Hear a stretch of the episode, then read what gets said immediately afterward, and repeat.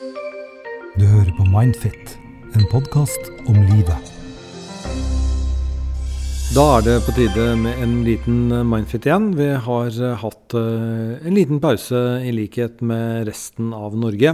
Eh, Men allikevel så er Janne her. Du har akkurat tatt av eh, verdens mest bråkete regnbukse. Ja, det har jeg gjort. Hei, Nils. Det er nå jeg som er psykologen, da. Det er alle hører du kommer, for å si det sånn, Ja, når du kommer. sykler. Alle hører at jeg kommer når jeg sykler. Det er jo ikke så mange som er ute og sykler i disse dager, da, men jeg er jo Jeg jobber. Mer enn noensinne, egentlig.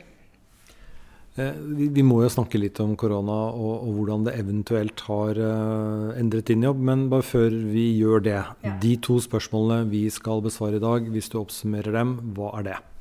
Det ene handler om mobbing på jobb av leder. Eh, altså leder som mobber. Og, og det andre handler om ei som har funnet ut at hun har vært utsatt for noe traumatisk for mange mange år siden, og hun lurer på hvordan hun skal håndtere det. Eh, og mellom oss nå, her, her er det jo en, eh, en liten antibac. Vi vel, det er jo nesten ikke antibac å oppdrive. Uh, og det har vært en slags sånn unntakstilstand i hele landet og hele verden nesten for øvrig uh, pga. korona. Ingen folk i gatene. Folk liksom eh, går omveier om hverandre. Vi driver eh, med sosiale eh, Hva skal vi si? Altså, vi er ikke sosiale. Vi har fått mange regler. Ikke lov til å dra på hytta. Har du merket noen forskjell eh, som psykolog? Ja, for det første så har jeg jo bare videokonferanse. Jeg måtte jo legge om hele praksisen min. Men i tillegg til det så har jeg mer å gjøre enn jeg pleier, egentlig. Fordi flere Altså, det er jo forskjellig, da. Jeg syns mange av de som går til meg, takler det her veldig bra. Altså, hvis du har slitt Uh, en stund, så er det jo mange som sier at de er vant til egentlig denne sosiale isolasjonen. Eh, Det er ikke nytt for dem. Så sånn sett også det å forholde seg til angst er noe som mange av de som går til meg, kjenner godt til fra før av. Så det er egentlig forbausende mange av dem som tar akkurat denne koronaepidemien med, med ro, da. Altså forutsatt at du ikke er i slekt med noen eller sjøl er i en av risikogruppene. Det er klart at det er krevende. Eh, Men så, men så er jeg jo bekymra over eh, hvordan det her skal gå på sikt. da, sånn at jeg må jo følge opp flere av mine litt hyppigere enn før. For at det er jo altså folk som går til meg som sitter veldig alene. Eh, og alt det de har hatt av nettverk og sånn, har jo også handla om vært knytta til offentlige aktiviteter og forskjellige eh, nettverk sånn. Og, og, og venner og sånn som mer har trekk, trukket seg tilbake og kanskje bare er med sine. Og så har ikke de sjøl noen som er sånn tett på seg, som er der for dem, da. Eh, så ja. Jeg tenker jo på dem, og jeg tenker på utsatte barn nå som skoler er stengt og barnehagene er stengt. Og så syns jo det her er alvorlig.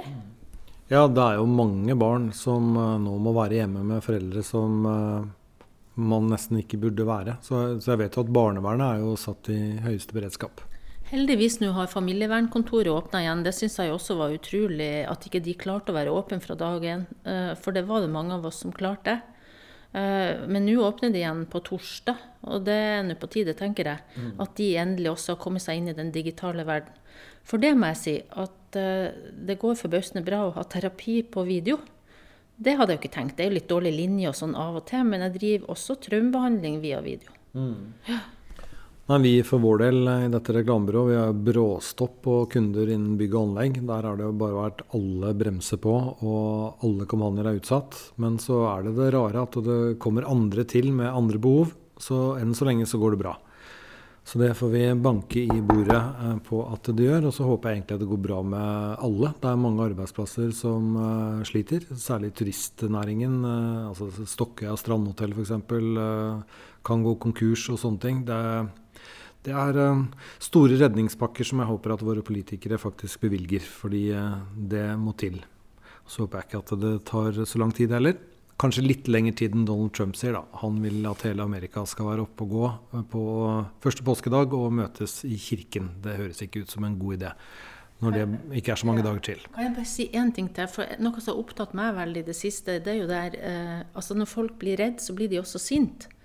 Eh, og det jeg legger merke til, er jo at den toleransen for hverandre At for noen så går terskelen veldig ned. Det er mye utskjelling på, på sosiale medier og ellers. Og Jeg syns det er viktig å, å, prøve å være tolerant for hverandre nå alle veier. Altså, jeg kan forstå dette sinnet òg, uh, men det er jo viktig å ja, være litt raus med hverandre i de her tidene, da. Mm. Og jeg er opptatt av å smile, kanskje smile mer til fremmede nå enn jeg gjør ellers, faktisk. Fordi jeg vet at noen av de jeg smiler til, sitter mye alene. Mm. Så det er viktig for dem, det smilet. Og så leste jeg også at uh, Vinmonopolet har det veldig bra. Man selger jo da bøtter og spann med mer alkohol uh, enn nå enn det man gjorde før på samme tid i fjor. Så nå er det nesten sånn påskeomsetning på Vinmonopolet. Og det er jo da et trekk. Når vi skal isolere oss, så kjøper man rett og slett mer alkohol og bare drukner isolasjonen. Og det er jo òg bekymringsfullt. Jeg tenker kan, En kan jo si mye skal det være stengt eller åpent, men det er jo andre tilbud som har vært nødt til å stenge, da, som jeg tenker er viktigere enn Vinmonopolet. Da. Sånn som fysioterapeuter, vi psykologer har vært nødt til å legge om altså psykisk helsevern Uh, frisører Mange bedrifter som har vært nødt til å stenge, men ikke polet, da. Uh, jeg skulle jo ønske at de kunne i hvert fall regulert spritdrikkinga, for det vet jeg på mange av de som sliter med alkoholproblemer, at sprit er jo uh, veldig utfordrende. Og i det hele tatt det å regulere alkoholinntaket nå, det tror jeg er vanskelig for mange. Så, så det er ikke til gode for alle at, at, at, det er åpent og at du bare kan kjøpe så mye du vil. men Igjen, det er jo litt komplisert òg. Jeg vet ikke, vi har jo stengt eh, det, det, er jo historie på det her med å stenge tilgangen til alkohol, da. Og hva skjer da? Da brenner man mer selv. Ja, riktig. Så det er ikke så lett. Men da går vi på de to spørsmålene som eh, vi har. Og nå skal jeg bare ordne mine papirer, så jeg vet at eh, jeg har det riktig. Hva vil du si ja, det er, er ett spørsmål. Det er god lengde på spørsmålene nå, så det er bra. Så da leser jeg. Hei, takk for en fin podkast. Jeg lurer på hva man kan gjøre når man opplever mobbing på arbeidsplassen, og det er sin leder som står for trakasseringen. For noen måneder siden startet jeg en ny jobb, og har med sjokk oppdaget at min nye sjef er en bølle, rett og slett. Han hersker med alle, særlig en yngre kollega, 25 år, som sliter psykisk, har fått gjennomgå. Ut ifra det andre har sagt, har miljøet på arbeidsplassen vært dårlig lenge. Flere har kommet og gått de siste årene, flere har vært utbrente og sykemeldte. De som har blitt igjen, virker engstelige. Hver dag gjemmer de seg under store hodetelefoner, og ingen våger å si imot sjefen i møter osv. Da min unge kollega startet behandling for depresjon og angst, gikk han til sjefen og ba om tilrettelegging i en periode, etter anbefaling fra fastlege. Istedenfor å komme ham i møte, skjelte sjefen ham ut. Etter dette ble min kollega sykemeldt et par uker, for å så komme tilbake i halv stilling, og da startet trakasseringen for fullt. Stikkord er personlig angrep, spydige kommentarer, kritisering uansett hva han gjør, samt usynliggjøring hver dag. Denne behandlingen smitter over på resten av kontoret, så nå oppfører hele teamet seg på samme måte overfor ham. Når han går for dagen ved lunsjtider, er det bare jeg som sier ha det til ham f.eks. Når han ikke er der, prates og vitses det om ham. Det hører med til historien at de fleste som jobber der er i 20-årene, og at dette er deres første jobb. Selv er jeg ti år eldre og har lang erfaring bak meg fra et firma der forholdene var som de skal være. Det hjelper meg nok å se hvor skrudd dette er. For noen år tilbake gikk jeg for øvrig selv gjennom en periode med psykisk sykdom, men opplevde da full støtte fra min daværende arbeidsgiver. Resultatet var at jobben og kollegaene ble noe som hjalp meg gjennom den vanskelige tiden. Særlig min nærmeste sjef var en stor støtte. Jeg vet derimot hvor utrolig skummelt det er første gangen å skulle åpne opp om noe så privat som mental helse er til en sjef. Derfor ble jeg forbanna av det jeg ser nå. Slik mobbing kan jo virkelig knuse en som er sårbar fra før. Jeg forsøker å hjelpe min kollega så godt jeg kan ved å prate med ham, lytte når han trenger det, samt motivere ham til å komme seg videre. Men jeg ser at han dyttes lenger ned hver dag, og at han er i ferd med å miste troen på seg selv. Selv har min åpne solidaritet til ham gjort at også jeg har fått gjennomgå litt av sjefen. Jeg har våget å sette ned foten litt, og klarer å riste det av meg, men kjenner også på kroppen hvor tøft det er, og hvor mye energi det tar å stå imot også for min del. Derfor er jeg nå i dialog med nye firmaer, for her er det bare å komme seg vekk så fort man kan. Men jeg bekymrer meg for hvordan det vil gå for min kollega og eventuelt nye personer som kommer inn her. Det er i hovedsak unge rett fra universitetet som kommer hjem. Det er fristende å tenke at jeg bare får redde meg selv, and so be it. Jeg er litt konfliktsky av natur, men kjenner her på et behov om å si ifra. Mitt indre moralske kompass sier høyt og tydelig at dette ikke er greit. Og vi har en arbeidsmiljølov i Norge som er tydelig nok mobbing. Jeg mener å huske at det står der at alle som ser dette, har plikt til å melde ifra. Derimot er vår HR i utlandet, og jeg opplever at de har null interesse og forståelse for norske regler og vilkår.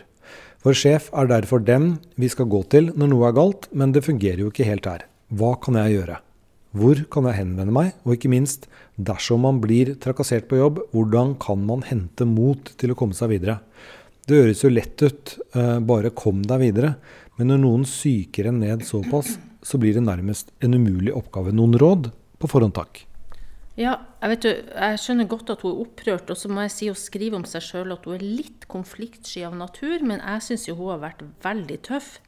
Uh, hun beskriver jo de andre kollegaene som at ingen, ingen, tør å si noe. Hun er jo den som hever stemmen sin og, og, og prøve å støtte denne kollegaen sin, som jeg får veldig vondt av. For jeg tenker eh, han er jo kommet i en situasjon der han uh, ikke jeg tenker det er veldig vanskelig for han å nå komme tilbake der og få en annen rolle når du har en sjef som er sånn ute etter ham som han er, denne sjefen. Dette kalles rovmobbing. Og Arbeidstilsynet forteller jo at i halvparten av sakene som de får inn, så, så får de inn saker med type ledermobbing. Og så dessverre òg så ser du at, at, at, resten av arbeidsmiljøet følger på. Og jeg mener jo at dette Hun skriver at dette er jo ikke bra. Eh, for noen som er sårbar fra før av å bli utsatt for. Men jeg mener at sårbar eller ikke fra før av, dette er traumatiserende for uansett hvem som blir utsatt for det. For en vet at mobbing er en av de tingene som kan gi eh, stressreaksjoner til folk. Og jeg jobber med mange, eh, både i arbeidsliv og også folk som har blitt mobba som barn. Og jeg ser jo felles trekk. Altså det er jo alvorlig, tenker jeg. Mm. Uh, to refleksjoner der. Bare, vi vet ikke om det er en hund. Da. Det er det vanlige jeg pleier å si. Men, ja, uh, men nå er det sagt. Uh, hen Den derre fluenes herrementaliteten, at at sjefen er en normsender, og hvis sjefen da på en måte mobber, så tar de andre ansatte det som et sånt uh, hvitt flagg på at uh, nå er det bare å mobbe denne. Det er greit. Da blir det en sånn flokkmentalitet. Og det er noe av det tristeste jeg ser. Uh, fordi alle innerst inne vet jo at dette ikke er greit, og så bare blir man med på det. Antageligvis fordi de er redde for å bli mobba sjøl, og de føler at hvis de på en måte blir med på det og slår et par vitser og sånn, så er de liksom på sjefens lag, og da er det ikke de som uh, står for hugg neste gang. Vet du, Det har du helt rett i, og du ser jo det samme når, når folk er barn. Altså, det er jo det de beskriver. Uh, mange som det mest belastende er jo alle de her som står rundt og passivt på et vis aksepterer eller blir med delvis på det.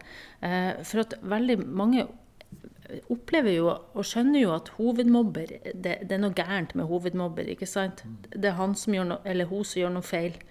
Men de her rundt, som liksom bekrefter på et vis eh, litt det som mobber holder på med, eh, de forsterker jo følelsen hos den som blir mobba, av at det er meg det er noe galt med.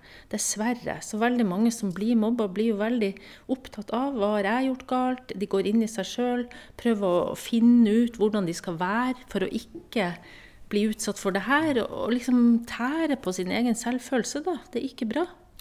Jeg kan ikke si hvilket firma det var, men det er ikke lenge siden jeg var på et lite fotooppdrag uh, for et firma. da, og Så måtte jeg sitte og vente på noen, og så da satt jeg liksom eh, der de spiste lunsj, uh, to stoler unna.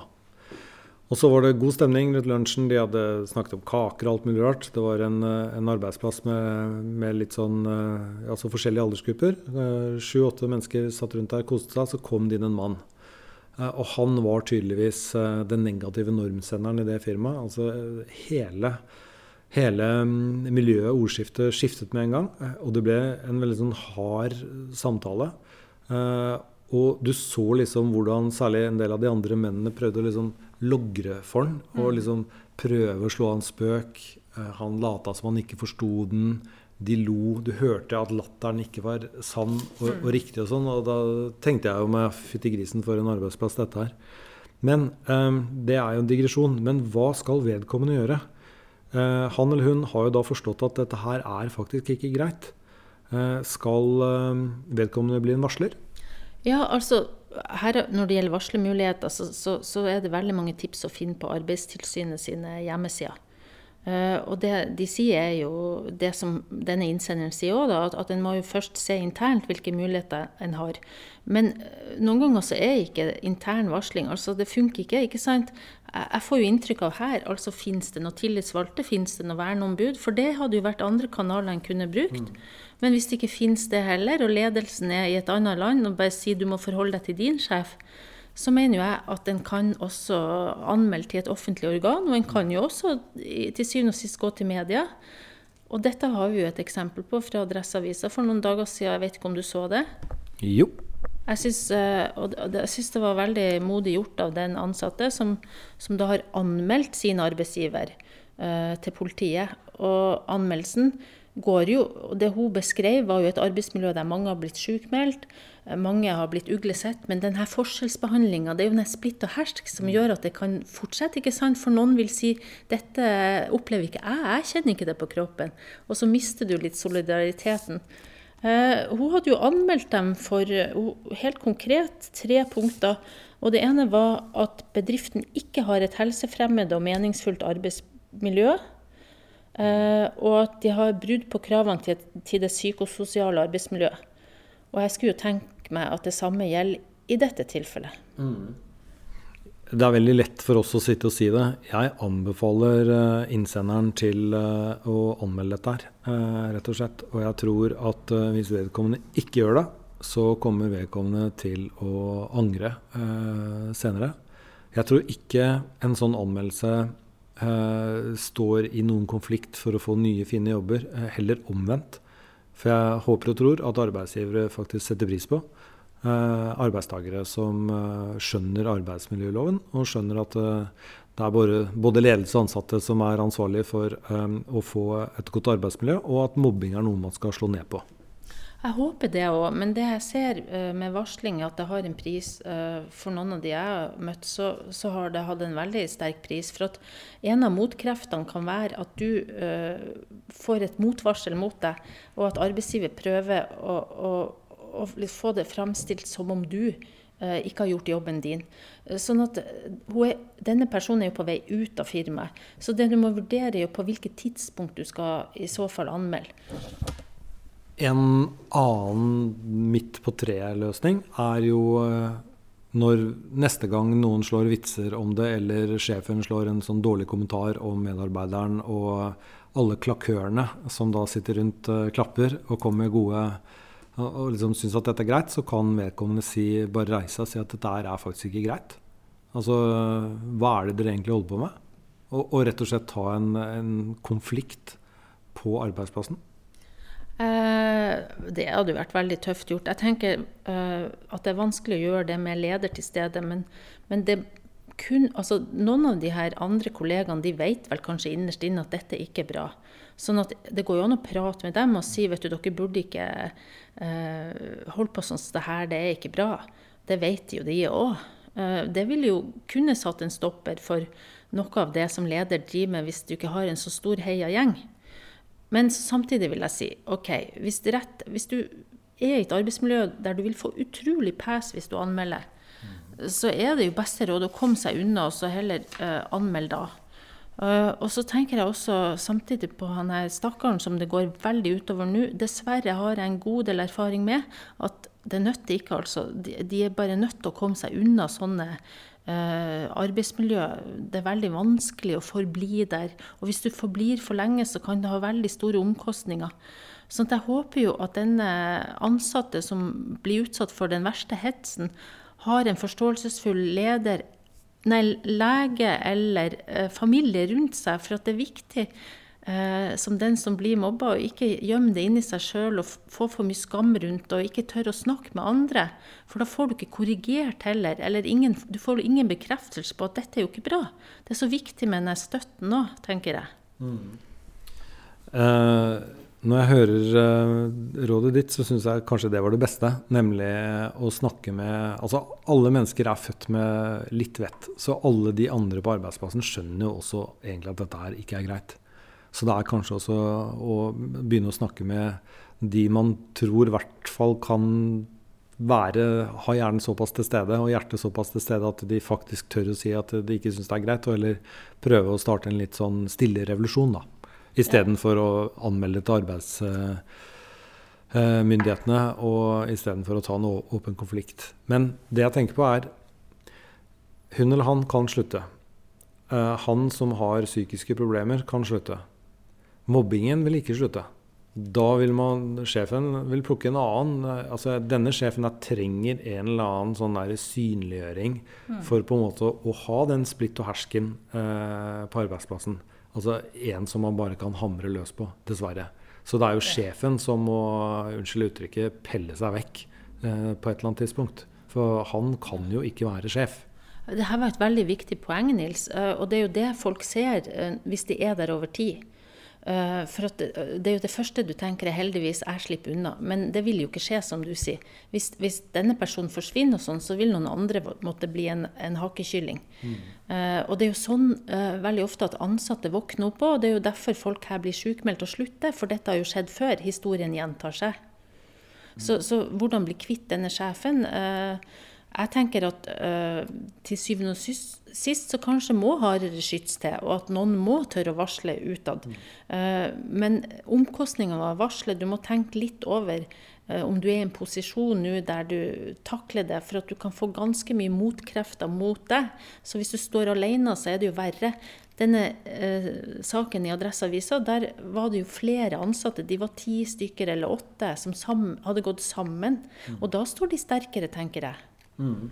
Og det var da også tidligere ansatte eh, som ville gjøre det. Og i denne artikkelen, som du da kan finne hvis du går inn på adressa.no, og bare leter deg litt igjennom, så vil du kunne lese den. Eh, så er det også sånn betegnet at den eneste som sto fram, var jo kvinnen som nå var sykemeldt, som jobber der. Eh, hun sto fram med fullt navn og bilde.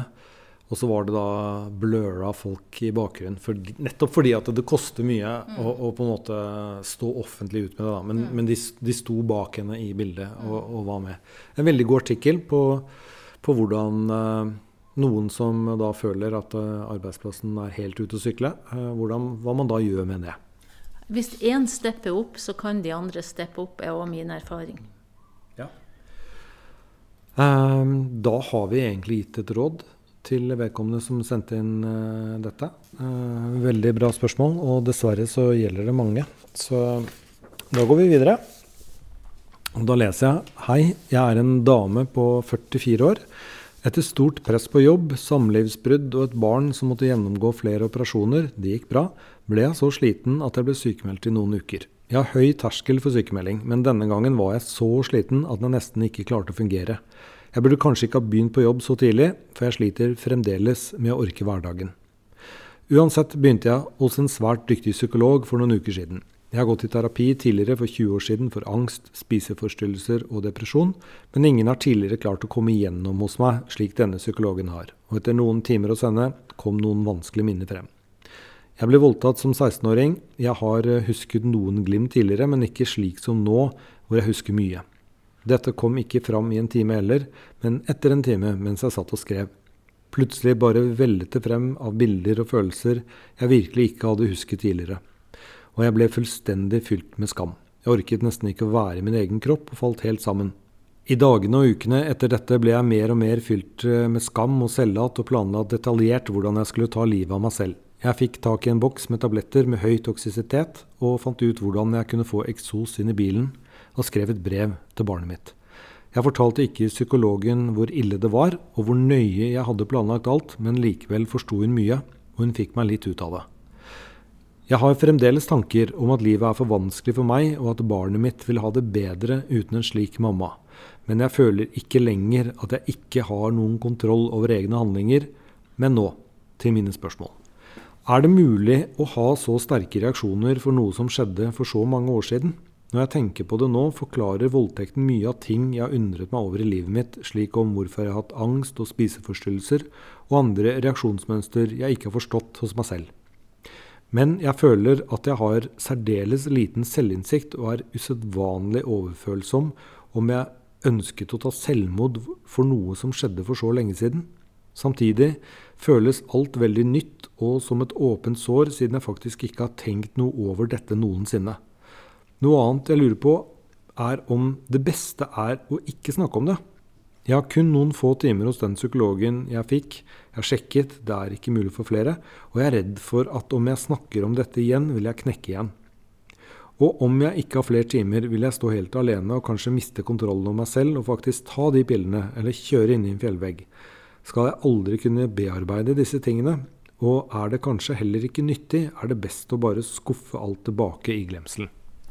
Uh, ja, det første er jo det her med om det virkelig går an å få så sterke reaksjoner av noe som har skjedd for mange år siden, og det må jeg jo si ja til. Jeg hadde nettopp en samtale med ei som går til meg om, om det samme, og hun spurte meg om akkurat det samme. Fordi uh, altså det har skjedd noe i barndommen, oppveksten, og så har du på et vis takla det, eller du har takla det, uh, men årene går, og så kommer du i, kanskje du kommer i en belast, sånn som hun skriver da med mye stress og belastninger rundt seg, så plutselig dukker det opp igjen.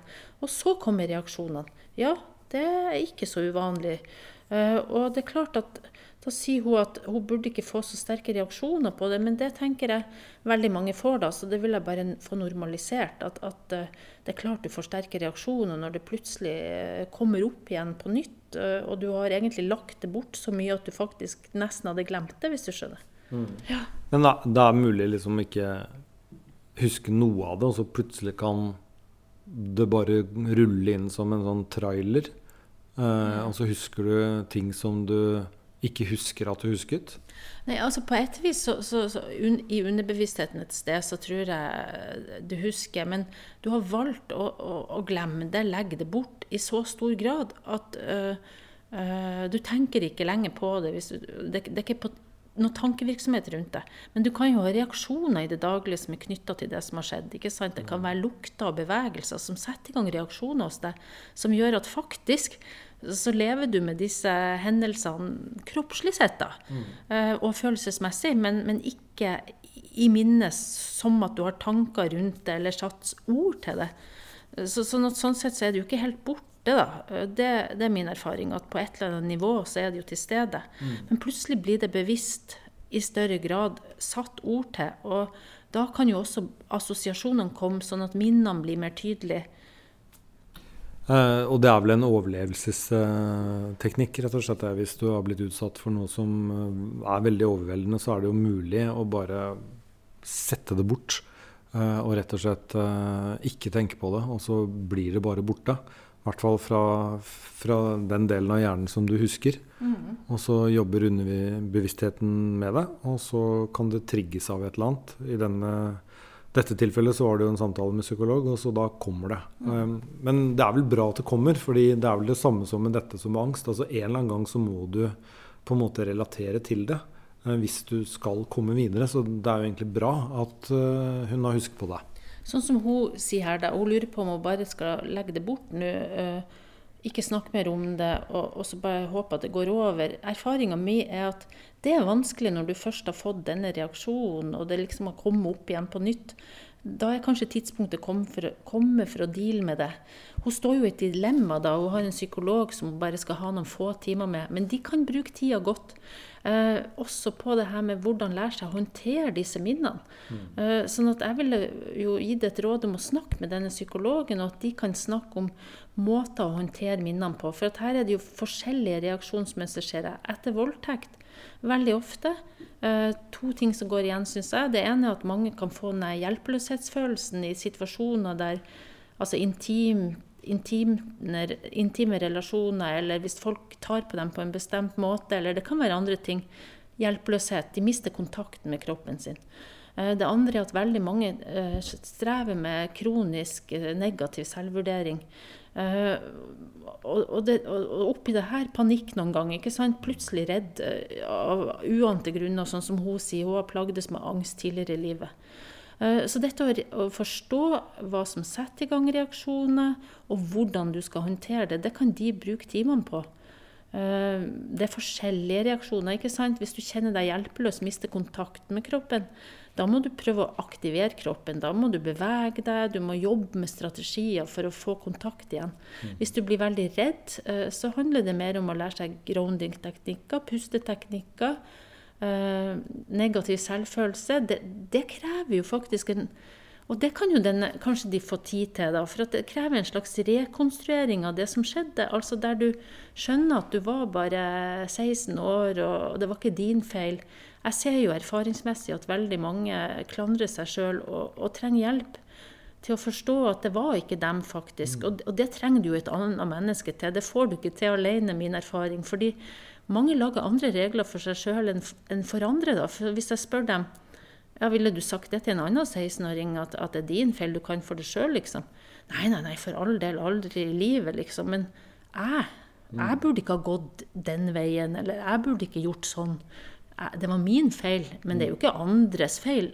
Folk ser jo at det er en logisk brist der. Mm. Og det er veldig godt å kunne få snakka med noen om det, og kanskje allerede begynne en type eh, bearbeidelsesarbeid på det, da. Mm.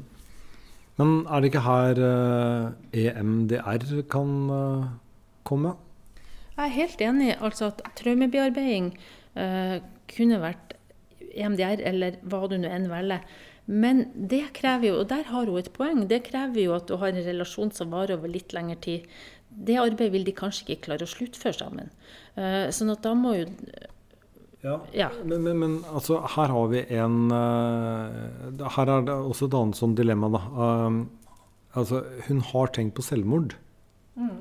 Så, så, hvis uh, Får man ikke noe mer enn fire timer da?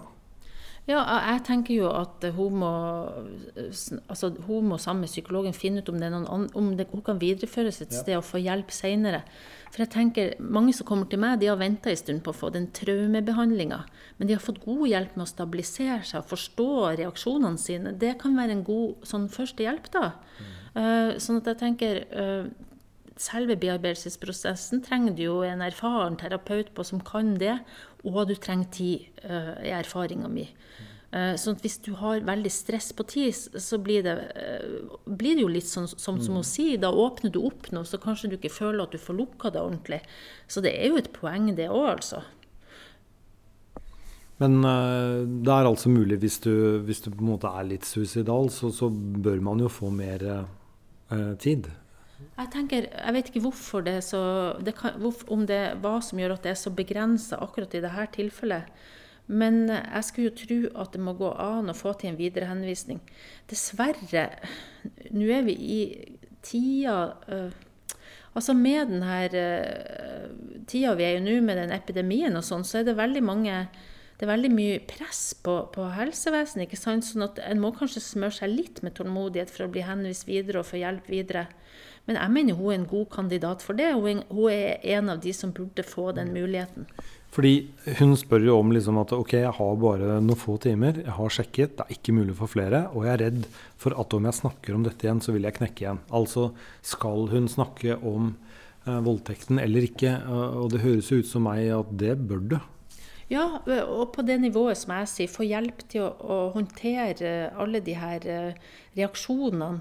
Og samtidig også få et håp om at du kan få hjelp på sikt, tenker jeg er kjempeviktig. Så, så hun må ta uh, og bruke tida med denne psykologen godt i de siste timene. Og, og, vi som psykologer har jo et ansvar hvis vi har pasienter som er suicidtrua eller redd for om de skal ta livet av seg, så vil jo det være en kandidat for å prøve å hjelpe dem videre i et annet, et annet sted. da. Eh, men når det er sagt, så, så, så virker det jo som um, at innsenderen um, tenker jo da mer på barnet sitt. Så, så hun, hun, hun er, er, ikke PT suicidal, heldigvis. Men uh, har behov for um, traumebehandling for å komme over det som skjedde med henne som 16-åring. Ja, det vil jeg tro. Men altså ikke at jeg kan si det 100 jeg skal aldri være 100% sikker. Men jeg tror hun ville kunne hatt nytte av traumebehandling. Mm. Jeg håper at dette svaret her um, hjalp deg litt. Da har vi vært gjennom uh, to spørsmål. Uh, vi satser vel på at vi nå klarer å antibakke oss gjennom, slik at vi kan være på lufta gjennom 14 dager. Vi håper det, Nils.